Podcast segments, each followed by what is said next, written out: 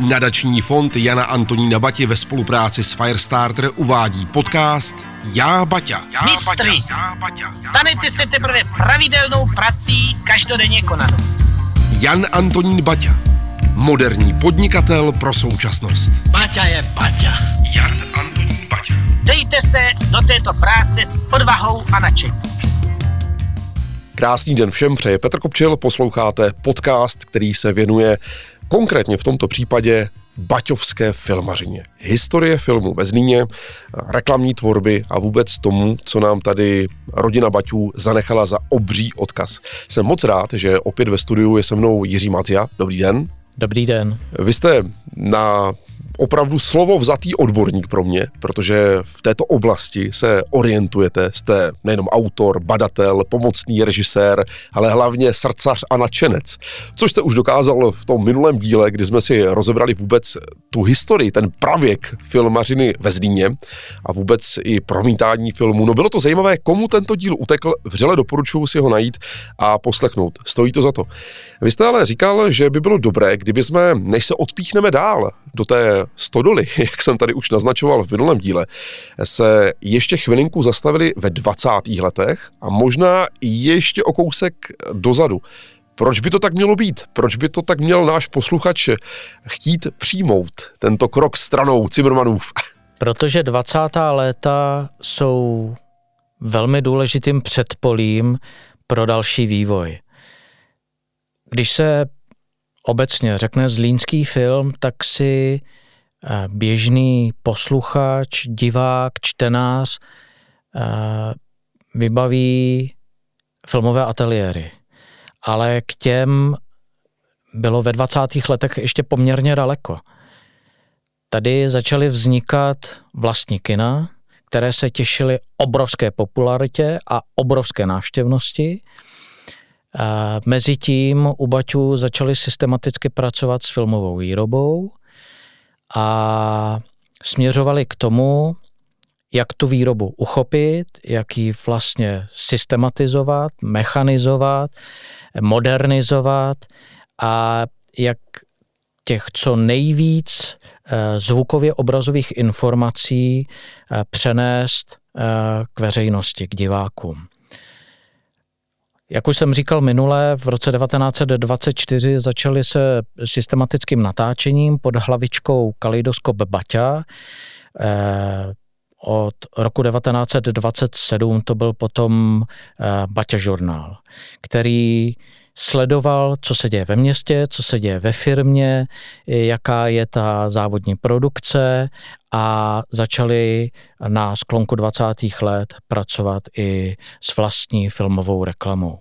Tomu předcházel jeden velmi důležitý moment a jedno velmi důležité jméno, bylo to roku 1927, kdy z redakce vnitropodnikových novin sdělení přišel člověk, který se jmenoval Jaroslav Pagáč, který měl určité umělecké a organizační předpoklady a stal se vedoucím prvního filmového oddělení u Baťů.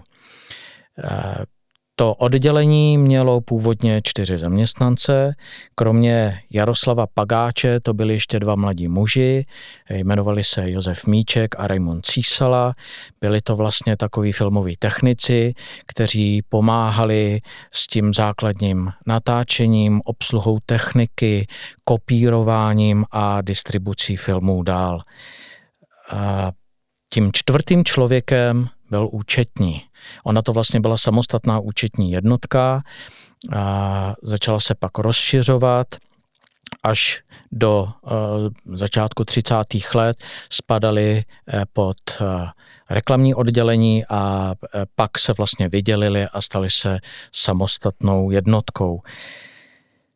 Můžeme to ilustrovat i na příkladu natočeného materiálu. Zatímco se v roce 1924 eh, u Baťů natočilo 660 metrů filmu, tak v roce 1931 už to bylo přes 72 kilometrů filmu a množství spotřebovaného filmového materiálu nadále rostlo a dobře to ilustruje eh, tu dynamiku eh, filmového vývoje. Způsob, jakým oni s filmem pracovali, se dramaticky měnil. Eh, oni hledali příležitosti a nacházeli je právě v reklamě, nacházeli je v dokumentu. Eh, není bez zajímavosti, že v roce 1930 začal svou eh, kariéru u Baťů později velmi slavný filmář, režisér a pedagog Otakar Vávra. Ten v tom roce natočil dva dokumentární snímky pro, Bať, pro Baťovu společnost – a tím, jak se později stal režisérem celovečerních filmů e, a také reklam, tak spojil svou kariéru s Baťovou společností e, znovu na konci let 30. a natočil pro ně celou řadu reklamních snímků.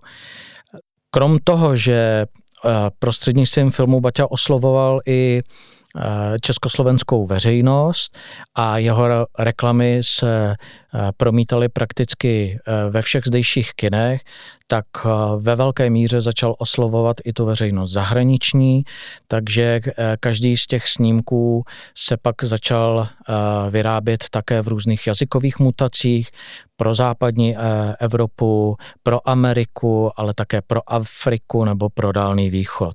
V tom je zase další specifikum a unikum té baťovské tvorby, že oni velmi rychle začali cílit i na poměrně exotické trhy, kam směřovala eh, i ta baťová produkce.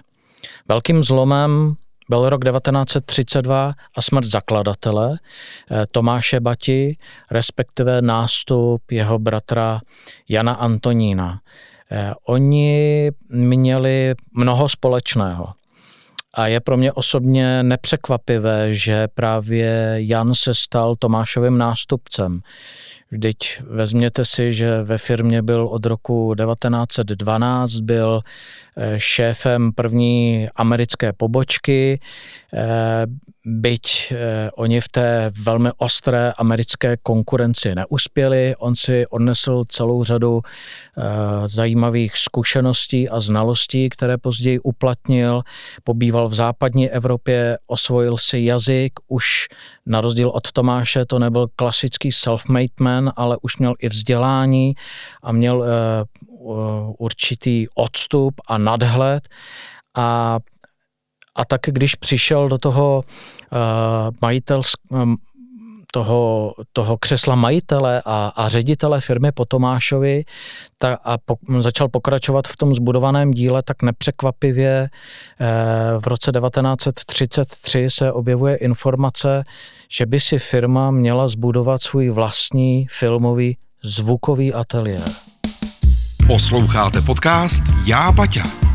Více informací hledejte na www.janantoninbaťa.cz a sociálních sítích. Nemůžeme nechat zahálit žádné Ruse.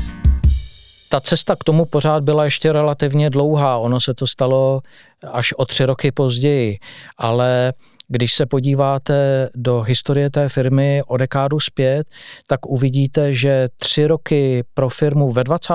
letech a tři roky ve 30. letech je obrovský rozdíl, že eh, ty eh, skoky vývojové se strašně zrychlovaly. Málo se ví, že na začátku 30. let Tomáš Baťa vstoupil do jednání o odkup zvukového ateliéru v Brně. Patřil eh, člověku jménem Hugo Fanta, byl to eh, průkopník i v, eh, na poli filmovém, nicméně oni se nestačili spolu dohodnout, protože Hugo Fanta mezi tím zemřel – a Tomáš Baťa ho zanedlouho následoval.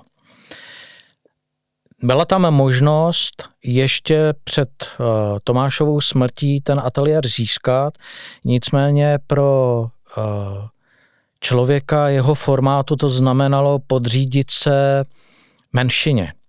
Ta nabídka uh, Fantovi ženy jako dědičky pořád platila. Uh, on mohl získat menší část, 49%, v podstatě by to znamenalo, že mohl okamžitě začít vyrábět zvukové filmy, třeba že v Brně, eh, nebylo to ve Zlíně. Nicméně neměl tu většinu. A to eh, pro Tomáše bylo rozhodující, Pravděpodobně právě z tohoto důvodu od toho záměru ustoupil, ale ten záměr úplně dle mého neopustil a pracovalo se s tím, že si ateliér zbudují.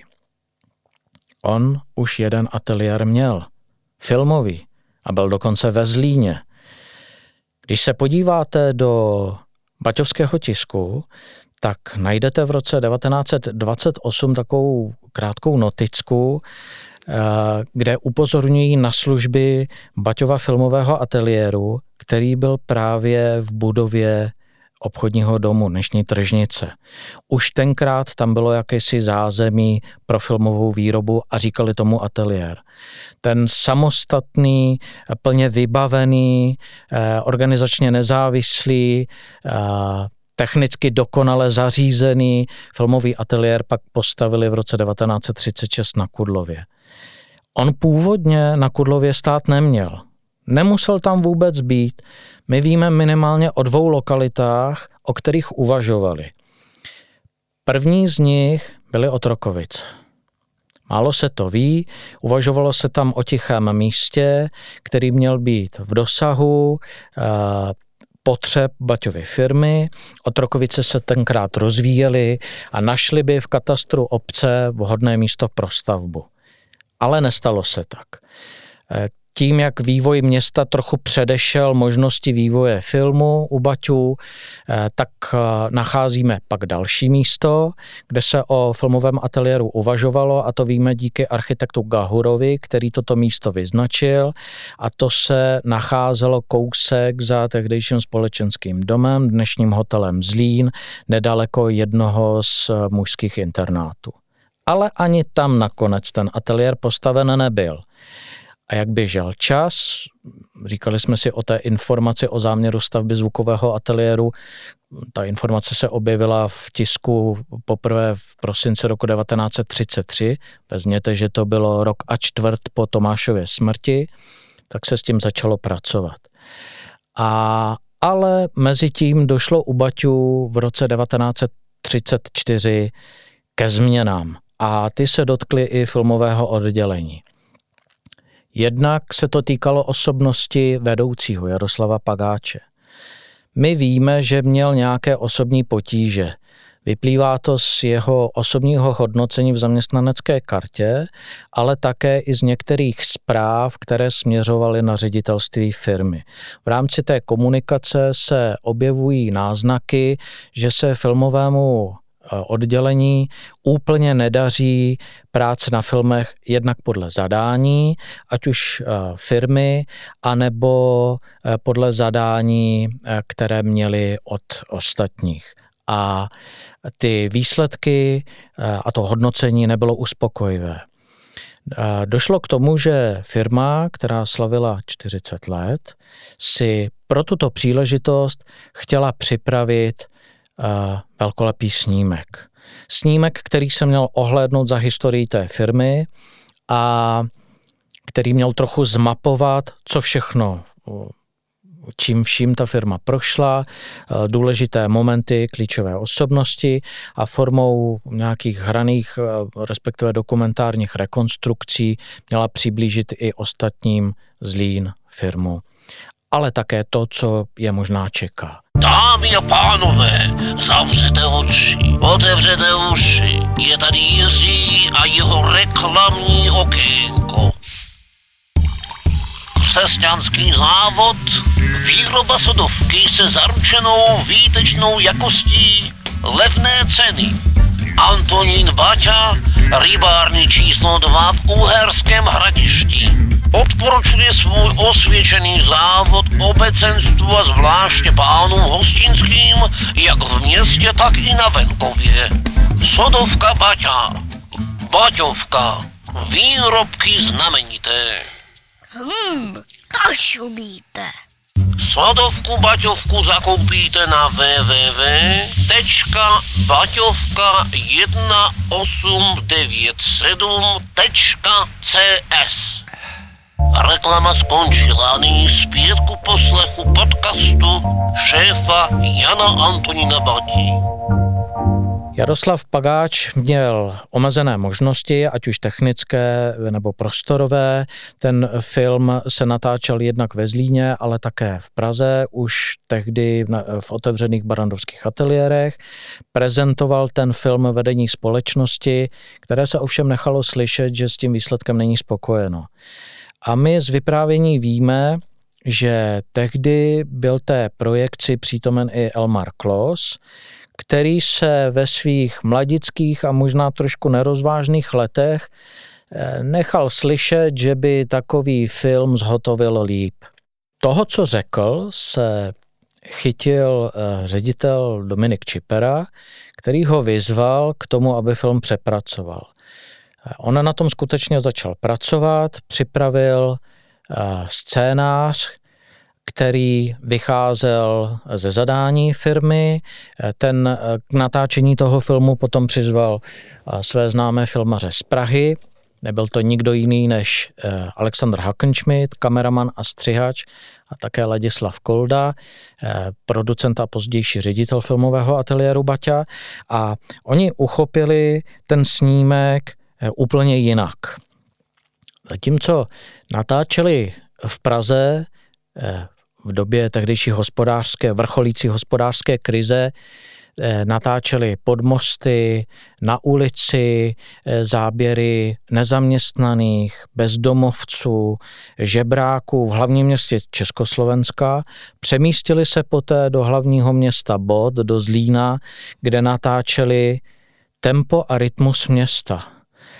35 tisíc zaměstnanců v továrně, žádné nezaměstnané, pořádek v ulicích, ne nedostatek práce, ale její nadbytek.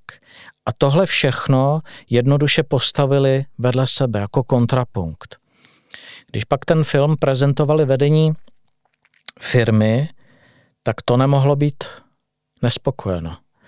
A Elmar Klos si tím otevřel dveře více do Kořán ve Zlíně. Eh, my víme, že on už se tady nějakou dobu pohyboval, pracoval jako dopisovatel, jako takový dramaturg, podílel se na přípravě eh, programu Velkého kina a vstoupil ve větší povědomost a tak, když se pak uvažovalo o proměně filmového oddělení, k čemuž došlo v listopadu 1934, kdy Jan Antonín Baťa vydal uh, pokyn k tomu, aby byl připraven seznam vhodných uchazečů pro vedení filmového oddělení, kteří mají předpoklady pro organizaci, pro uměleckou práci a nemusí to být nutně lidé ze Zlína, z firmy a dokonce ani z Československa, tak se ukázalo, že takového kandidáta oni už mají a tím byl právě Elmar Klos. A bylo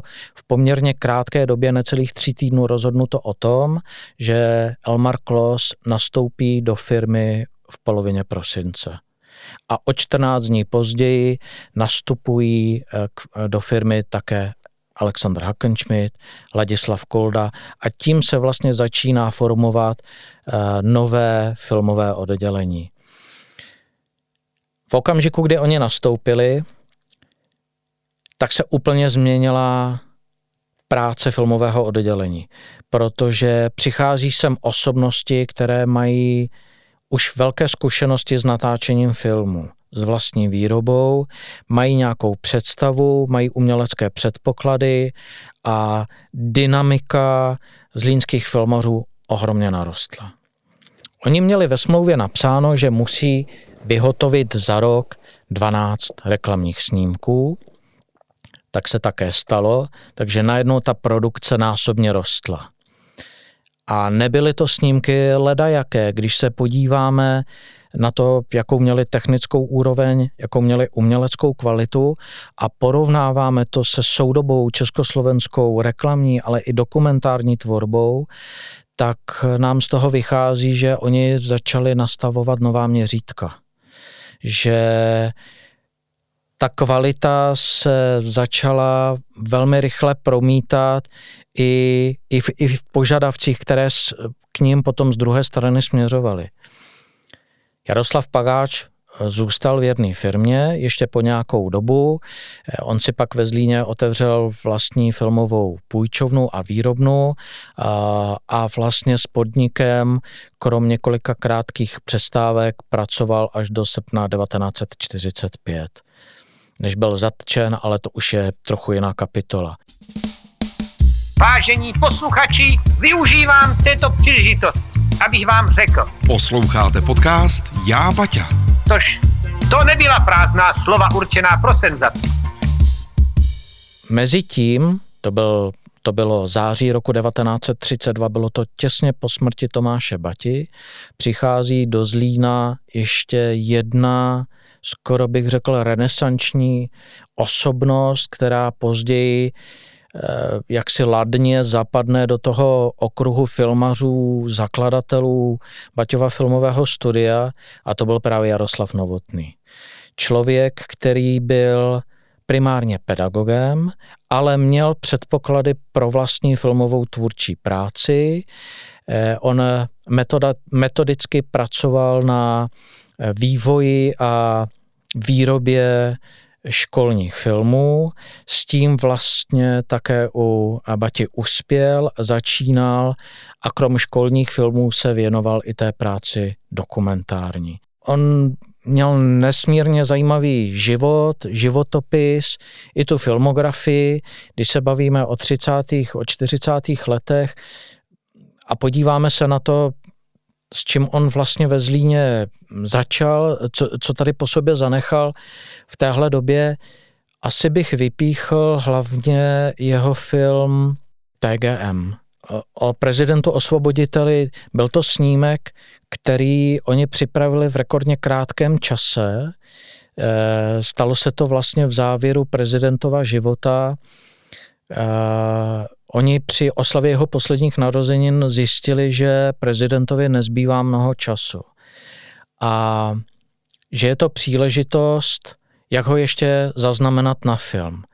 A tak se domluvili s kanceláří prezidenta republiky a začali tam dojíždět, začali ho natáčet v různých situacích. Jenomže co se nestalo, pan prezident během toho natáčení zemřel. A oni to pochopili jako příležitost, z toho aktuálně nazbíraného materiálu vytvořit takový medailon. A vznikl film Poslední léto TGM, který velmi citlivě ukazuje prezidenta v závěru života a je to mistrná práce zlínských filmařů. Eh, oni ten film jednak dokázali velice rychle zpracovat eh, tak, aby byl třeba během 14 dní v kinech po smrti prezidenta a zároveň z toho materiálu dokázali vytvořit snímek, který byl vhodně připraven pro výuku v rámci základních škol. Eh, Jaroslav Novotný na tom filmu pracoval jako kameraman, jako scénárista, jako režisér a je to velká eh, cená upomínka jednak na něj jako režiséra, ale také na prezidenta.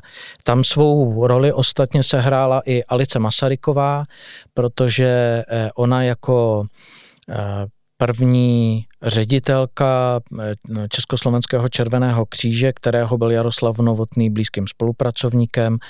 Tam se právě ty jejich životy potkaly a zavdalo to vlastně příležitost k natočení takového materiálu. Nebyl jediný, oni natáčeli i jiné medailonky, ale tento z nich je určitě nejcennější. Ostatně, eh, když se podíváme zase do té historie, Tomáše Garika Masaryka pojilo blízké přátelství s Tomášem Baťou. Eh, byli to dva eh, Tomášové, dva titáni, kteří eh, stáli v čele určitého společenského celku. Masaryk jako prezident a Baťa jako starosta. Oni se tady 24. června 1928 ve Zlíně potkali a byla to veliká událost.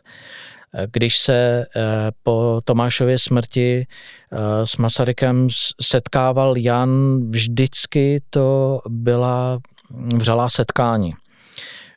Ostatně prostě ti to muži měli k sobě ideově, hodnotově blízko. Není žádným překvapením, že měli k sobě takto dveře otevřené. Z toho, co víme, co vidíme, z čeho můžeme výjít ve 30. letech, eh, tak je posun eh, k reklamní tvorbě. Ale oni ti zlínští filmaři eh, neměli jenom odborné filmové ambice, ale i nějaké osobní, umělecké. A dobře nám to ilustruje zhruba osmiminutový eh, snímek Střevíček z roku 1935, což je vlastně taková úžasná oslava baťovské práce. A je to zároveň trochu nechtěně eh, oslava i té filmové práce. Protože když se na to podíváte, ten film zaznamenává zrod baťovské boty – my sledujeme to, jak ta bota prochází tou výrobou od prvopočátečního nápadu, nákresu, zrodu designu, eh, přípravy modelu, eh, jeho výroby, praktických zkoušek, přehlídky, odsouhlasení až po masovou produkci. A u toho všeho vy to s obrovským zájmem jako divák sledujete. Nevnímáte čas, ale jste vtažení do děje a umocňuje to ta hudba. Tam nepadne jediné slovo, ono není potřeba, protože vás provází obraz a provází vás ta hudba. Ten snímek je cený eh, v tom, že vlastně zaznamenává tu výrobu. My jeho fragmenty pak nacházíme v dalších dokumentárních filmech z Baťovské i z cizí produkce, protože ty záběry jsou opravdu cené a zajímavé je příběh toho filmu zajímavý i tím, že vlastně mělo jít o první eh, takový osobnější umělecký film eh, z línských filmařů, který vznikl nad rámec jejich pracovních povinností. A zároveň to byl snímek, pro který hudbu složil Bohuslav Martinu. My víme z osobní korespondence Ladislava Koldy, že Bohuslav Martinů byl jeho blízký osobní přítel. Oni se spolu potkali během svých studií v Paříži v polovině 20. let, dokonce spolu nějaký čas bydleli, dokonce spolu jeden čas díleli i jistou dívku a prožili v té Paříži eh, určitě spoustu situací, které je zblížily. A i když jejich cesty šly potom různými směry, zůstali po celý život přáteli až vlastně do e, smrti Bohuslava Martinu ve švýcarském exilu na konci 50. let. A Tohleto jejich pouto zavdalo příčinu té jejich spolupráci. On Martinu vlastně napsal e, hudbu pro tři snímky a všechny vznikly v produkci Ladislava Koldy. Dva byly nezávislé, které vznikly v první půli 30. let ještě mimo Zlín a potom tady pro ten Střevíček. Tím je ten film velmi cený. A sám Martinů si téhleté Ona to vlastně není reklama. Je to, je to snímek, který osciluje na pomezí několika žánrů. Propagace, PR, dokument, eh, takový výchovně vzdělávací snímek. On sám si ho považoval a byl rád, že, že tu hudbu k tomu mohl složit.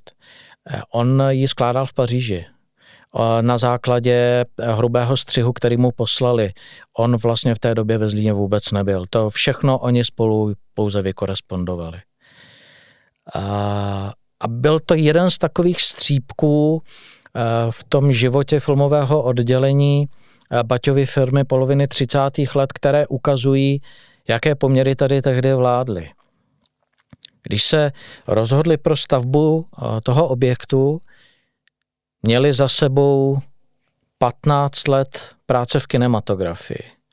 Vezměte si, že vlastně uplynulo od, te, od v okamžiku, kdy se rozhodovali, ano, postavíme teď ateliér, eh, bude na Kudlově, tak uplynulo 17 let od doby, kdy si Tomáš Baťa zakoupil podíl v Lloyd filmu.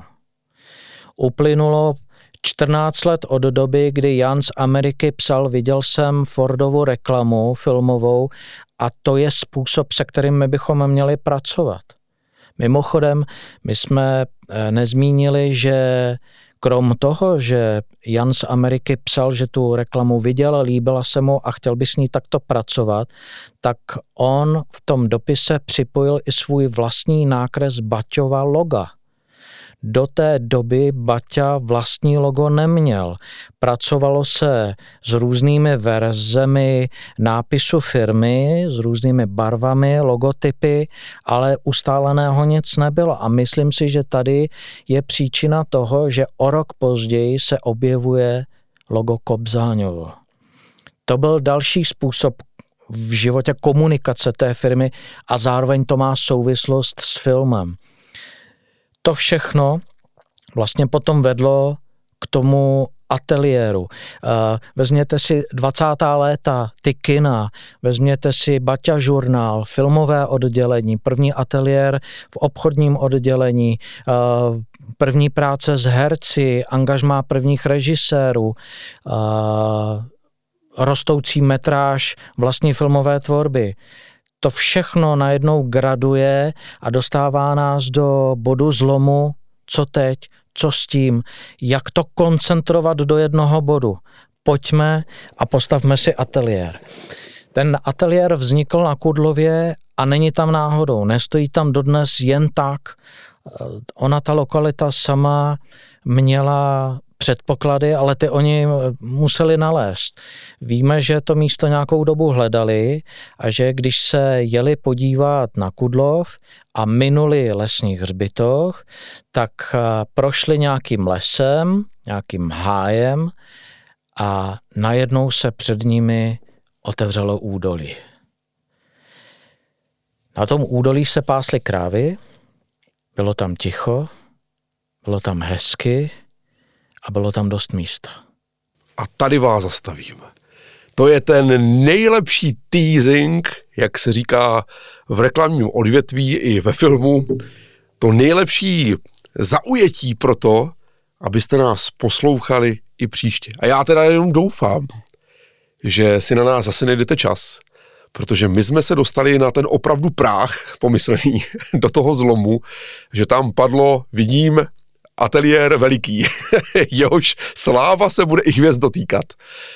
Jiří, eh, vy máte tolik informací, že já jsem nestačil klást otázky, protože vy jste mi na ně průběžně odpovídal. Ale mě těch nových přišlo tolik, že budu velice rád, když si o tomto tématu budeme povídat opravdu i příště. Rád přijdu. Naslyšenou. Jan Antonín Baťa. Moderní podnikatel pro současnost. Baťa je Baťa. Jan Antonín. Podcast Já Baťa pro vás s radostí vyrobil Firestarter. Firestarter. Specialista na kreativní digitální obsah. Více informací hledejte na www.janantoninbaťa.cz a sociálních sítích. Děkuji vám, přáteli, děkuji vám za vaši práci, za vaši věrnost, za vaši důvěru.